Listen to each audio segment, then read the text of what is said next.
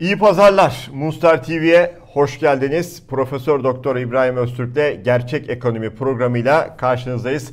Hocam hoş geldiniz. İyi pazarlar. Çok teşekkürler. İyi yayınlar diliyorum Turan Bey. Hocam biz de teşekkür ediyoruz. Hocam ne yazık ki savaş var. Savaşın olduğu yerde de ölüm var, gözyaşı var. Benzer tablolar var hocam. Benzer e, fotoğraflar, benzer hikayeler düşüyor. Bir yerde bir savaş varsa acısı da maalesef benzer oluyor. Rusya-Ukrayna savaşı temel olarak söylenebilir ama e, belki de hocam Rusya'nın Ukrayna'yı işgali daha doğru bir tabir. E, siz Almanya'yı da tabii takip ediyorsunuz. E, Avrupa'yı da takip ediyorsunuzdur. Ben özellikle İngiltere'de BBC'yi seyrediyorum ve çok net olarak e, haber o KJ'lerinde de veya haber metinlerinde de işgal kelimesini kullanmayı tercih ediyorlar BBC'de. Bugün özellikle bunu etkilerini, olabilecekleri konuşalım istiyorum. Ekonomik etkilerini, Türkiye'ye bakan kısmı, ABD nerede duruyor? Avrupa nerede duruyor? Ee, Rusya neden böyle bir müdahalede bulundu? Ve bundan sonra neler olabiliri konuşalım istiyoruz hocam. Ee, acayip zamanlar değil mi? İsterseniz böyle başlayalım. E, Turan Bey, e, evet gerçekten acayip zamanlar. E, bu bana bir e, aslında bu bir Çin atasözü. E, yani umarım acayip zamanlarda yaşayasınız diye bir Çinlilerin bedduası varmış. E, acayip zaman e, ne demektir? Alıştığın devir değil artık. Alıştığın işler olup bitmiyor. Anlamadığın işler oluyor. Belirsizlikler had safhada. Pandemisinden savaşlarına kadar, otoriteryen rejimlere kadar e, e, kökten din, dincilik, terör e, dalgalarına kadar artık sanki böyle İkinci Dünya Savaşı'ndan sonra kurulan küresel barış ortamı hızla elimizden kayıp gidiyor. Ee, Amerikan e, hegemonyasına dayalı bir tek kutuplu e, Rusya ile çatışan çift kutuplu bir dünyadan çok kutuplu bir dünyaya geçişin e, acıları çekiliyor, sancıları çekiliyor. Amerika süper güç olma pozisyonunu bırakmamaya çalışıyor ama öyle gözüküyor ki buna muktedir olacak elde var bir şeklinde garanti kesinleşmiş mutlak bir üstünlüğü artık kalmadı. Bir de insanlık tabi e, ağır silahlarla, tehlikeli silahlarla donatıldı. Dolayısıyla e, artık herkes insanlığı yok edecek, kendini havaya uçuracak bir e, donanıma sahip. Böyle olunca e, bir kararsızlık, bir belirsizlik dönemi e, belli ki önümüzdeki dönemin temel e, karakteristiği olacak gibi. Şimdi e, bu tabi e, Rusya'nın Ukrayna'ya girişini bir işgal olarak elbette bence de doğru ifade bu. E, biliyorsunuz benim görüşüm e, Rusya ile NATO arasında bir savaşın olmayacağı yönündeydi. Rusya'nın suhuletle oraya gireceği yönündeydi. Ve benim görüşümün devamı da o sınırındaki e, iki tane e, en doğudaki şehri zaman içerisinde, şimdi değil, Rusya bana sorarsanız Şimdi hedefine ulaştı. Evet bir sürü darbe aldı. İmaj kayıpları oldu. Bunları konuşacağız biraz sonra ama Rusya'nın taktiklerini az buçuk biliyoruz. Ee, oraya girdi. Güçlendirilmiş iki tane bağımsızlığını filan ilan ettirdiği e, yapı var orada. E, şimdi çıkacak ama onlar ona bir sana iltihak olmak istiyoruz diyecekleri uluslararası konjüktürü arayacaklar Kırım'da olduğu gibi. Dolayısıyla aslında e, Putin hedeflediği yere e, tahminlerin ötesinde e, saldırgan davranarak, hesapların ötesinde bir e, güçle davranarak e, kendine pazarlık alanı da oluşturdu. Anladığım kadarıyla şimdi Ukrayna yönetimi de Batılılar tarafından kışkırtıldı, tahrik edildi ve maalesef sonunda da yapayalnız bırakıldı. O da onu acı bir şekilde gördü devlet adamlığı tecrübesi olsa, Ukrayna'nın devlet e, medeniyet derinliği olsa aslında bu da, bu süreç daha iyi yönetilir. Belki literatürden duymuşsunuzdur bir Finlandiya'nın aynı süreci 2. Dünya Savaşı'ndan sonra yönetmesi olgusu var. Aynı şekilde Finlandiya'nın da NATO'ya girme, Rusya'ya karşı kendini korumaya alma gibi refleksleri vardı ama Rusya'nın buna vereceği orantısız tepkiyi bildiği için bağımsızlık statüsünün, nötr statüsünü uygun konjüktür bulana kadar inatla ve ısrarla sürdürdü ve Rusya bu nedenle de orayı işgal etmedi. Ukrayna maalesef Batılıların ve Amerika'nın gazına geldi. Belki burada şu soruyu sormak gerekir diye düşünüyorum Turan Bey. Yani e, evet e, son tahlilde Rusya işgal etti. Çok net. Çünkü Birleşmiş Milletleri tarafından devlet olarak kabul edilen Rusya'nın da egemenliğini devlet olduğunu kabul ettiği bir ülke var karşımızda. Böyle her canınız istediğinde Ukrayna'yı şamar olanla çevirmek olmaz. Putin diyor ki ne yani 1800'lü yıllarda Ukrayna mı vardı? Lenin'in hataları, Khrushchev'in hataları biz bunu düzelteceğiz. Şimdi belki bunun altını çizmek lazım. Yani Putin'in kullandığı bir dil var Turan Bey. Buna bence bunu çözümlememiz lazım. Birincisi bu. Ukrayna'ya bağımsız Birleşmiş Milletler'in kabul ettiği bir devlete bir şamara olanı muhabbeti yapması. Bir. Evet. Yani bağımsız devletlere saygı duymuyor. Bunu gizleyemezsin. Bilmem kaç asır önce Moskova'da yoktu. 1500 yılında Moskova'nın olduğu yerde Altın Ordu Devleti vardı. Moskova diye bir şey de yoktu, Rusya diye bir şey de yoktu. Yani bu işi nereye kadar götüreceğiz? Belli uluslararası bir düzen var. Birleşmiş Milletler diye bir yapı var. Bağımsız devlet var. Sen de tanımışsın. Nokta. Bitti. Bağımsız bir devlet. Bunun konuşulacak bir boyutu yok. Bir. iki Karadeniz'e ve Türkiye'ye yönelik ifadeler var. Turan Bey bunun altını çizelim. Konu Ukrayna ama asıl en büyük konuşmasını Türkiye'ye yap, karşı yaptı. Erdoğan'ın stratejik müttefiki ne dedi? Dedi ki ya dedi biz dedi 17. yüzyıldan beri Karadeniz sahillerinde Türkiye'ye Osmanlılara karşı savaşarak hatıralarımızı, kahramanlıklarımızı burada biriktirdik. Şimdi bu kahramanlarımızın adını unutturmak istiyorlar. Karadeniz'e çıkmamızı, elimizdeki topraklarımızı geri almamızı engel olmaya çalışıyorlar. Anlamında konuştu. Meğersem Putin'in e, kafasında, zihninde nasıl bir kuyruk acısı varmış e, bunu gündeme getirdi. Ve bu Erdoğan da bu adamı bir gün sonra Türkiye'ye gel ey Putin diye Türkiye davet etti. İyi mi? Sonra iki gün sonra da NATO buna yeterince tedbir almıyor. Daha sert tedbir alması lazımdır diye biliyorsunuz Cuma günü de e, böyle konuştu. Yani e, sana bu gözle bakan bir Putin, Türkiye'ye davet edilen bir Putin, sonra Cuma günü bu Putin'e daha sert tedbirler alın diyen bir Erdoğan karşımızda var. Nereye koyacağız? Belli ki Erdoğan'ın e, manevra alanı bitmiş. Uluslararası dengelerle oynama imkanı kalmamış. İki günde bir taban tabana çelişen laflar ediyor. Ve nihayet biliyorsunuz Turan Bey Putin bir laf daha etti. Ta Kiev'e girmişken yani komşu iki tane şehirle ilgili bir gündemi var ki ta memleketin başkentine kadar işgal edip giderken ve orduya darbe yapın, yönetiminizi indirin diye son derece faşizan, son derece terbiyesiz, savaşla, tankla işgal edip o ülkenin ordusuna düşürün başbakanınızı ben de sizi bırakıp gideyim diyen bir adam var karşımızda. Tam da bunu yaparken döndü Finlandiya ve İsveç'e dedi ki bakın size de uyarıyorum aklınızı başınıza toplayın. Siz de öyle NATO mato düşünürseniz aynı şeyler sizin de başınıza gelir. Halbuki bu devletler de egemen devlet. Bunlar da ne zaman nere isterse oraya girerler. Böylece aslında bunlar aslında Putin stratejik bir adam Turan Bey. Recep Tayyip Erdoğan olsa anlarız. Bir ayaküstü on tane dans eder. Dün dediğini bugün inkar eder. Öyle demedim böyle dedim der. Ee, çatlasanız da patlasanız da demişimdir der. Erdoğan yapar. Ama Putin böyle bir adam değil. Beni Putin çok şaşırttı. Yani Putin dünyanın gözlerinin önünde kendisini bir günah keçisi haline getirecek korkunç bir negatif imaj çizdi.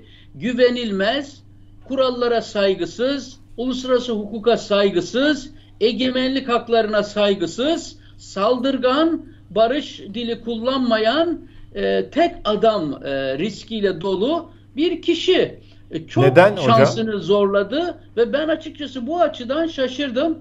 Belli ki e, Putin'in başka gündemi var. Ama tabii bir de olaya Amerikan açısından da bakalım izniniz olursa biraz. Tabii hocam e, Amerika açısından bakmadan hocam e, Putin'in hani konuşmalarının Türkiye'ye bakan kısmının altını çizdiniz ya ve bir amacından bahsediyorsunuz. Türkiye bundan kaygı duymalı mı? Yani gözünü Türkiye'ye doğru dikebilir mi? Bir gizli ajandası var mıdır? Şimdi Turan Bey bir kere iyi ki hatırlattınız oraya unutacaktım gerçekten. E, demek ki Erdoğan'la Putin'in arasında güven sıfır.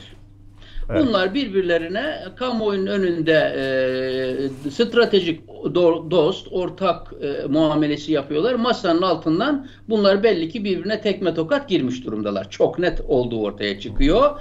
E, nitekim e, Erdoğan da ilk fırsatta e, tırnak içinde söylüyorum stratejik dostunu e, hemen e, NATO ile değiştirmeye kalktı. Putin bunu not etmiştir zaten. E, Rusya bir e, şıp çıktı bir devlet değil. E, büyük ve derin bir devlettir. Rusya'nın tarihsel duruşu e, batı yönünde ve güney yönünde Akdeniz yönünde ilerlemektir. Çünkü dünya dengeleri burada kurulmaktadır. Sibirya'da kurulmamaktadır. Dolayısıyla e, Putin'in Türkiye'ye yönelik, Karadeniz'e yönelik, Boğazlara yönelik bu tavrı yeni de değildir, gelip geçici bir heveste değildir. Devlet olarak duruşlarını yansıtır. E, bence zaten Türkiye NATO'ya yalvararak girmiştir. E, sırf Stalin'in Türkiye üzerinde, Boğazlar üzerinde, Kars, Ardahan üzerindeki bitmek bilmeyen taleplerine karşı Türkiye NATO'ya girmek zorunda kalmıştır.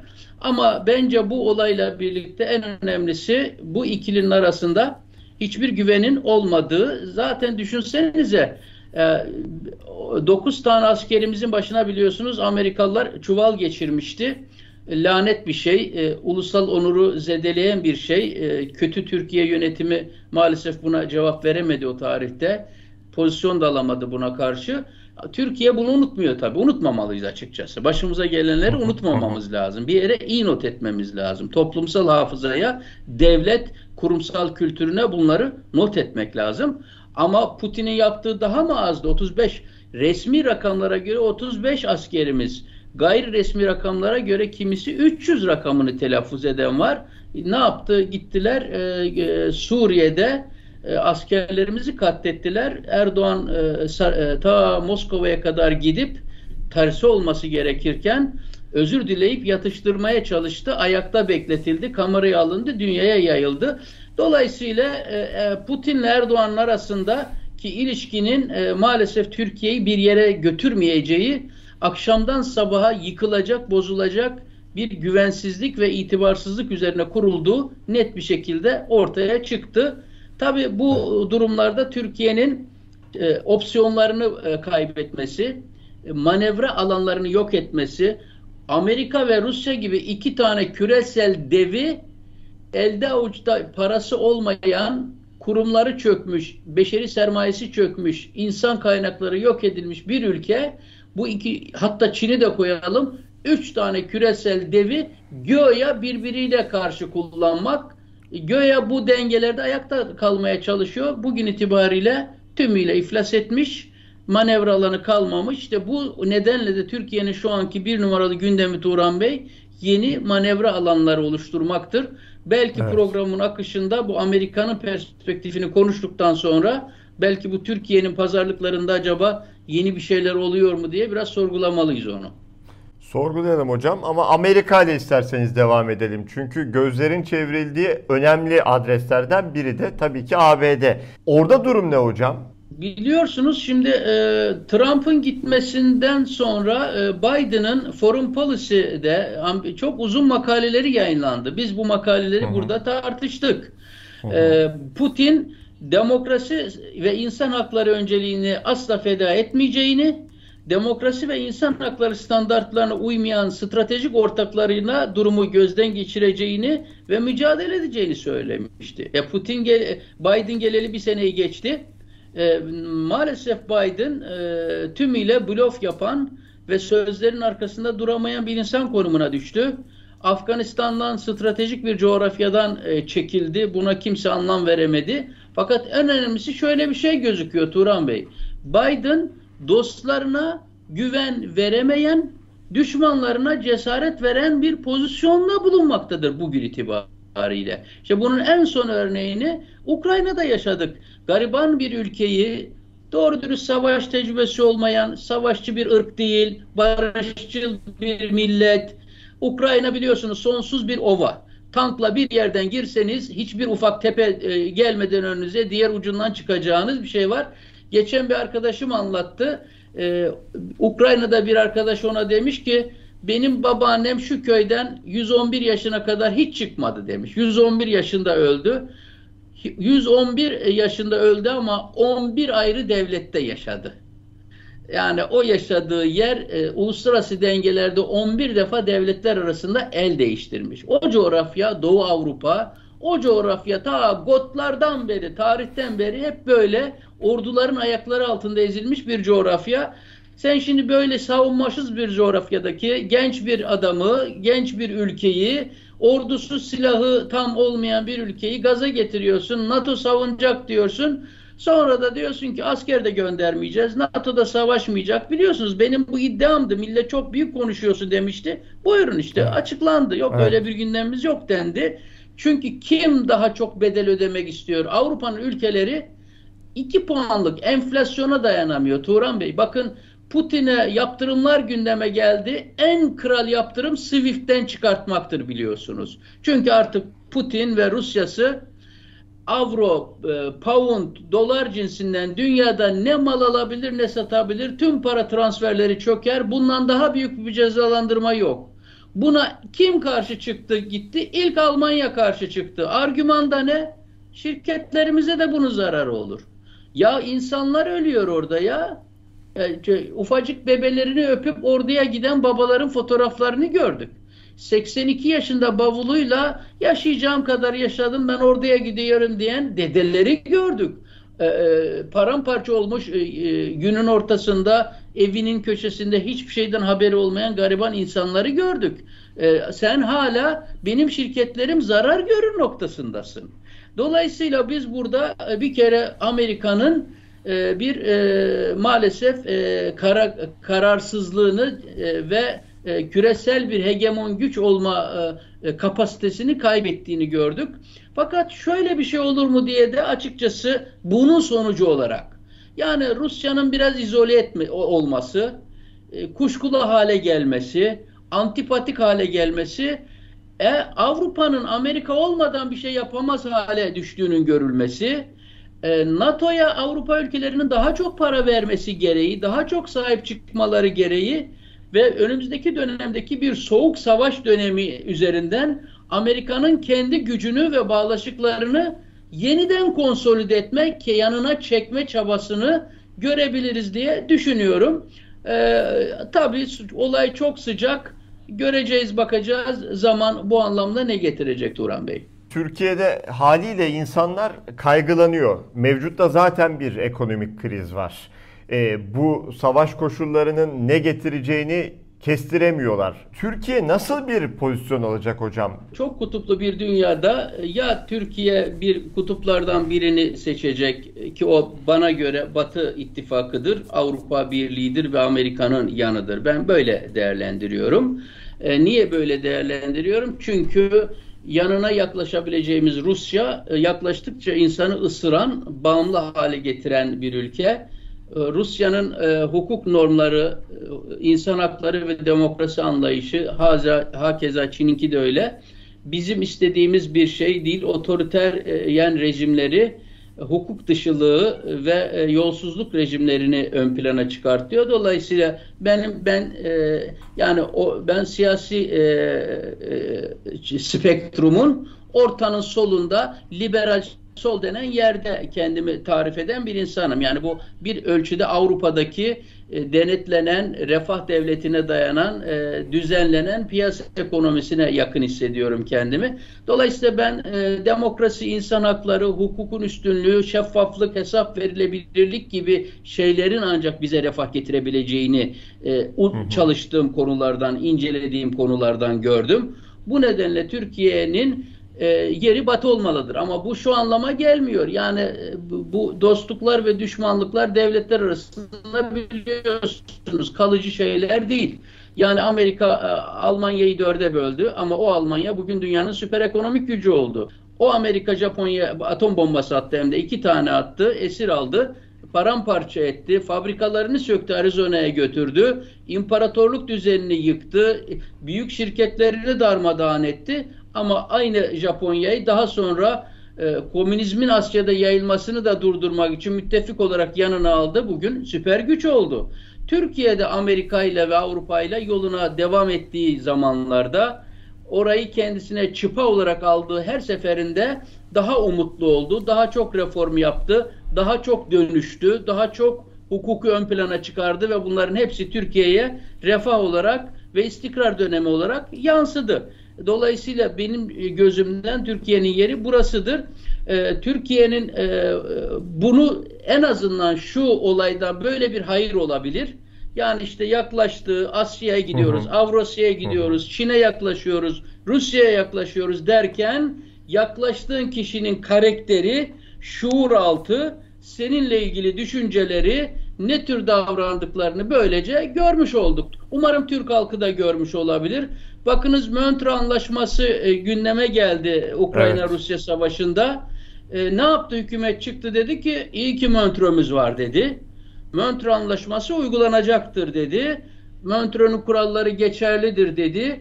Ama bu Montreux ile uğraşmayın. Bu Cumhuriyet'in, Atatürk'ün önemli bir kazanımıdır. Bunun altını oymaya çalışmayın. Aynı şekilde Lozan'ın da altını oymaya çalışmayın. Bunlar tarihin çok zor konjüktüründe Türkiye'nin tapularıdır, çıpalarıdır, omurgalarıdır, köşe taşlarıdır diyen e, emekli paşalar şu an hapse konulmak üzere yargılanıyorlar.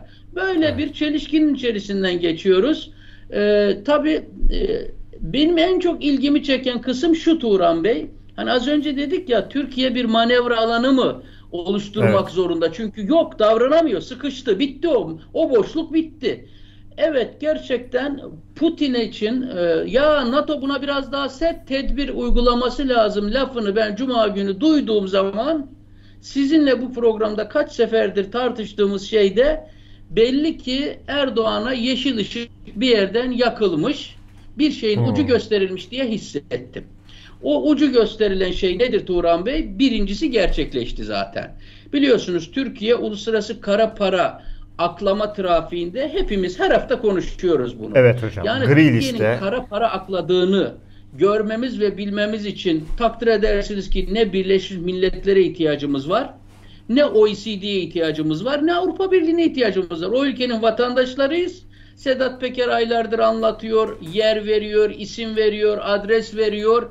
Daha sonra bunların bir kısmı zaten yakalandı. Kıbrıs'ta mafyanın verdiği mücadeleyi Alaaddin Çakıcı'nın hapisten çıkarılıp götürülüp Kıbrıs'ta bir mafyanın başına konmasını, Mehmet Ağar'ın e, Ege bölgesinde limanlara çökertilerek oranın üzerinden çeşitli bir takım garip ticaretlerin e, ilişkilerin içine sokulması bunlar gözlerimizin önünde oluyor. Ve bu ülke gri listeye alındı. Kara para aklayan ülkeler listesine alındı.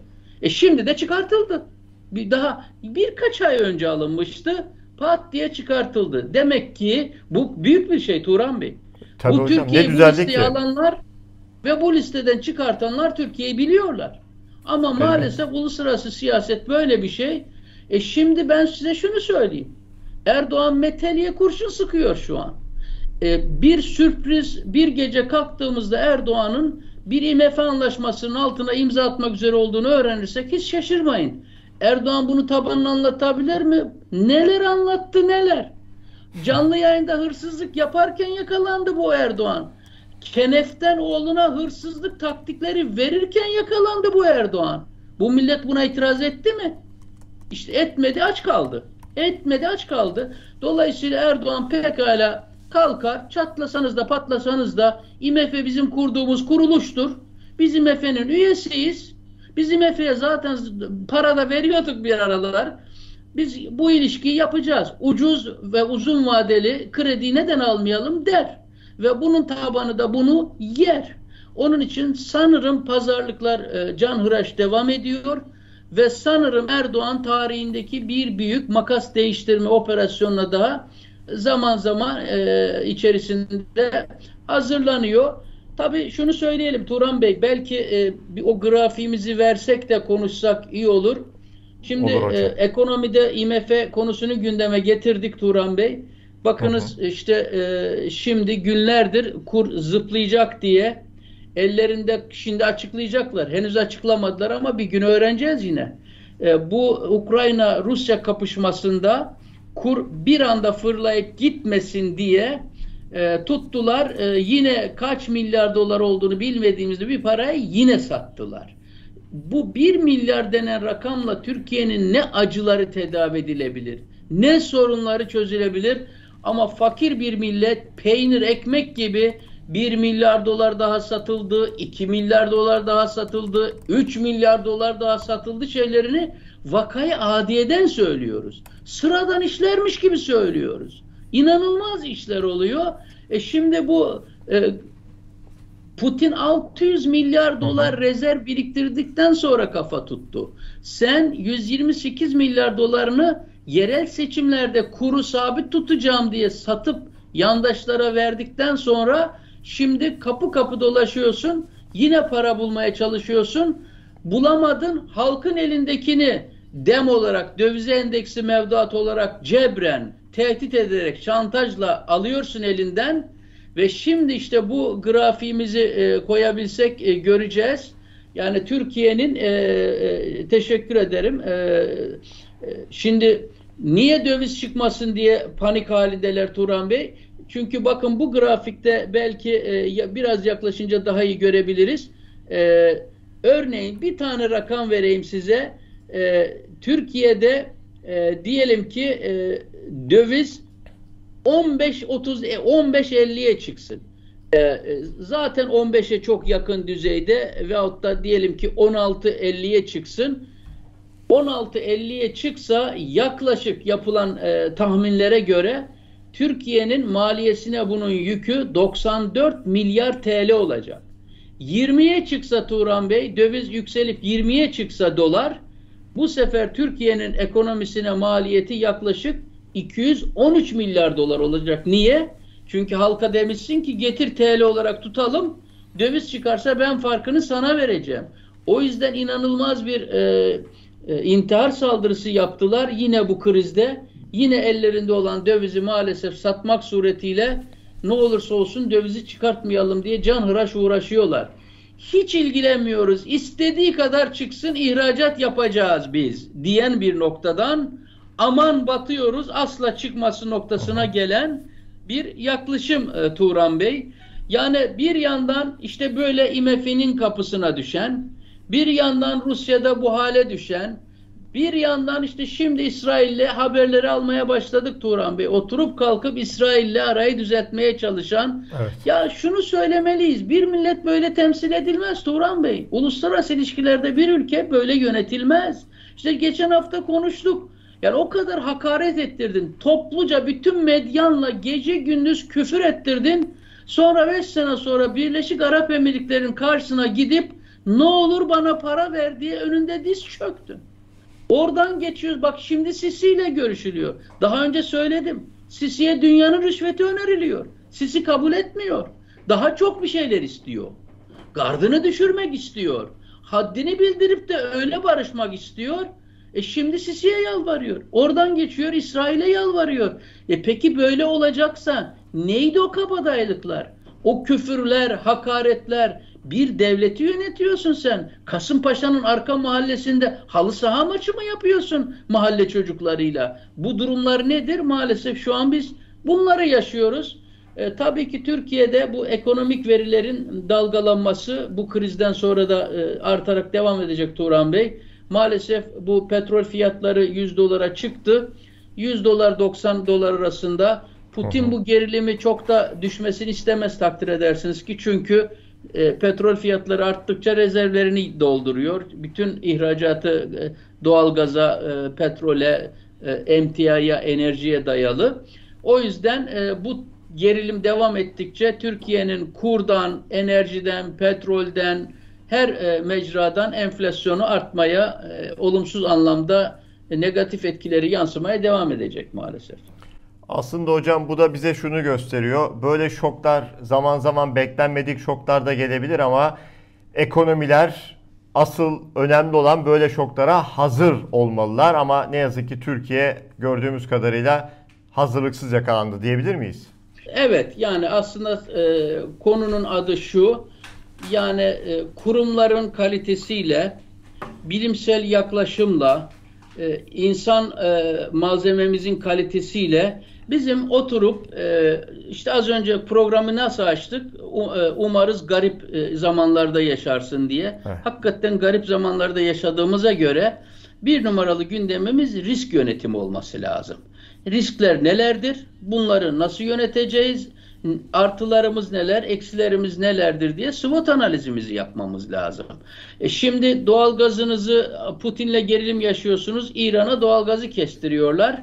E, o zaman anlıyoruz ki Türkiye'nin depolanmış e, Tuz Gölü'nün altında veyahut da başka yerde günlerce propagandası yapılan doğalgaz depomuzun olmadığı ortaya çıkıyor. E, ne bileyim e, şehirlerimiz e, susuz yakalanıyor. Sulama sisteminin İstanbul'un en büyük barajının yeni öğrendik. E, çünkü yandaşa yaptırılmış e, barajın gövdesi su tutmadığını şimdi görüyoruz. Otoyollar, havaalanları e, insan az yanılır ama yüzde 99 yanılmaz. E, bir basit bir hesabı yapamıyor. AKP'li televizyona çıkıyor. Enflasyon yüzden 107'ye çıkarsa enflasyon 7 kat artmıştır diye hesaplar yapıyor.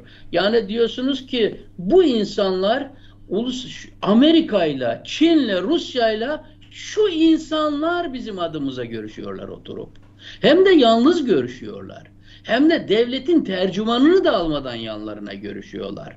E, siyasi militanların çoluk çocuğuyla e, düveli muazzamanın yanına çıkıyorlar. Devletin hafızası yok, kayıtları yok. Kapasiteler de bunlar. Akşamın dediğini sabah inkar etmek zorunda kalan bir yüzeysellikle milletimiz şu yeni kurulmakta olan her açıdan yeni teknolojisiyle, siyasetiyle, silahıyla yeniden kurulmakta olan bir dünyada şu kişiler bizi temsil ediyor. O yüzden de maalesef e, hiçbir yerde basiretli yönetim, önden yönetim e, gibi şeylere hasret kaldık.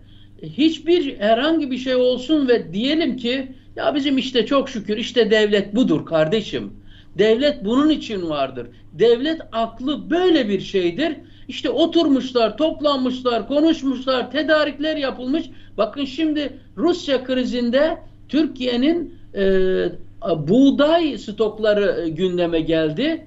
Hükümet kanadından hiç sorun etmeyin her şey hazırdır. E ben senin doğalgaz hazırlığını gördüm. Buğday hazırlığının yalan olmadığını ne bilelim. Ya bir kere çok komik bir şey. Devletimize inanamıyoruz. Bu çok üzücü çok bir şey Turan Bey. Normalde dememiz lazım ki tamam Rusya ile Ukrayna'nın arasındaki kriz bir sene sürse bu yaz biz buğday alamazsak bizim devlet mahsulleri ofisimiz Atatürk'ümüz kurdurmuş bunu. Bu işler için kurdurmuş. Çiftçi dostu. Çok olursa orada tutuluyor, az olursa oradan veriliyor.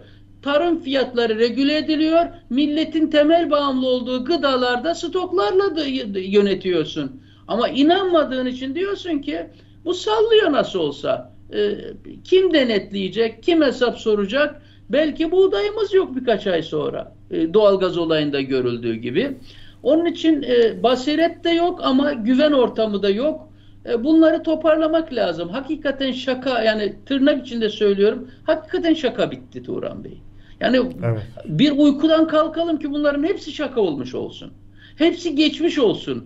Artık ülkemizi geriye döndürülmesi mümkün olmayan şu tahribattan almak lazım. Bunu muhalefetse muhalefet, Erdoğansa Erdoğan, kimse kim ama bu kadarı fazla artık ülkemiz için yani. Tablo daha da karanlık oldu mu? Önümüz açısından soruyorum. Türkiye'nin gündemi şu an e, tabii tek ekonomi değil değil mi? Yani Türkiye'nin evet. e, içerisi siyaseten çok kırılgan, baskıcılık almış başını gidiyor, sosyal medyaya ilave yasaklar geliyor, Türkiye'de yayın yapan e, yabancı basın yayın organlarına ilave standartlar getirilerek yayın yapamaz hale getiriliyor. Halkın bilgilendirilmesi engelleniyor. E, siyasi partiler kapanmanın eşiğine geliyor. Belediyelere tahkimler atanıyor. E, kayyımlar atanıyor. E, seçime Türkiye'nin gidip gidemeyeceği tartışılıyor e, yurt dışında kendisini bekleyen bir sürü dava, Akbank davası var, Ziraat Bankası ile ilgili gündem var, başka e, Amerikan ambargosunun delinmesiyle ilgili başka gündemler var. Bakın Rusya Avrupa Konseyi'nden e, e, üyeliği askıya alındı. E, Türkiye için bu önümüzdeki dönemde Türkiye'ye zaman verildi. Türkiye'nin oradan çıkartılması gündemi var. Ekonomide işsizlik, enflasyon, hayat pahalılığı, liyakatsızlık, kayırma, kadroları yandaşlara dağıtma e, bunlar gündemimizin baş köşesinde ve böyle bir ortamda e, küresel siyaset ısınıyor. Amerikan ekonomisinde faiz artışları geliyor. E, korumacılık dalgası dünyanın her tarafında gündemin parçası. Doğal olarak bizim buradan hemen bir milli mutabakata, milli birliğe, bir sükunete, e, bir e, reformlara, demokrasiye, hukukun üstünlerine dönmek üzere bir vesile başlatmamız lazım. Yani bir kıvılcımla evet. haydi geriye dönüşü başlatıyoruz lafının gelmesi lazım. Ne bileyim örneğin bu kanun hükmünde kararnameyle e, ihraç edilen yüz binlerce insan Türkiye'nin damarlarında dolaşan kan gibi garip ülkemizin e, bir avuç yetişmiş insanı e, perişan edilmiş durumda. Ağzımda varmıyor. Kim kimi affedecek? Suçsuz insanları siyasi sahikle sen terörist yapmışsın. Yani bu Ukrayna olaylarında o elinde bavul e, sokaklara düşen insanları ailesini çocuklarını ağlayarak öpüp e, terk eden evet. insanları görürken e, ne yalan söyleyeyim e, dedim ki benim başıma gelenler aşağı yukarı buna yakın şeylerdi. Yani bir sabah kalktım e, evet. üniversiteye gideceğimi zannederken atıldığımı öğrendim. E, ömrüm boyunca kurduğum bilim adamıyım. Kütüphanemin yağmalandığını, e, kütüp kitaplarımın yok olduğunu gördüm. Emekliliğime birkaç sene kalmışken emeklilik haklarımın alındığını gördüm. Yerim, yurdum, ülkem kayboldu, ailem kayboldu. E, şu an yani biz adı savaş olmayan ama savaş gibi bir ortama kendi ülkemizde e, muhatap olduk. E şimdi bunları onun için af demeyelim ama kanun hükmünde kararnamelerle hapishanelerde çürütülen, gurbette çürütülen, e, pazar yerlerinde, inşaatlarda çürütülen, çile ve ızdırap içinde her türlü hastalığa düçar olan bu insanlarımızı bir an önce hem e, e, bu af diyelim başka adı yok ki af dedirtmişler. Hocam ben diyeyim mi hakların iadesi diyeyim hocam ben. Evet ha, hakları iade edilmelidir iadesi, ve bunlar evet. işine gücüne dönmelidir. Ülkemize hizmet etmelidirler. Bu bir helal mesela e, CHP lideri bir helalleşmeden bahsediyordu. Çok haklı. İşte bu bir helalleşmenin başlangıcı olarak bu pozitif enerji belki beraberinde yeni pozitif enerjileri getirir. Belki Türkiye şu avreseci bloktan yavaş yavaş yeniden batı bloğuna e, kayar. Belki bir IMF anlaşmasıyla bir hukuka dönme süreci, bir şeffaflığa dönme süreci başlar. Şu tek adam rejiminin yerine tekrar güçlendirilmiş parlamentoya dönüşün ortak mutabakat zemini tekrar yoklanır ama bir yerden bir işaret fişeğinin gelmesi ve şu kısır evet. döngünün bir yerden kırılması gerekiyor yani. Peki hocam var mı eklemek istediğiniz son sözler? Çok teşekkür ediyorum Turan Bey. Bu haftalık bu kadarla getirmiş olalım. Peki hocam. Ağzınıza sağlık. Biz teşekkür ediyoruz. İyi yayınlar diliyorum. Haftaya bir başka gerçek ekonomi programında Profesör Doktor İbrahim Öztürk'te karşınızda olmak ümidiyle. Hoşçakalın.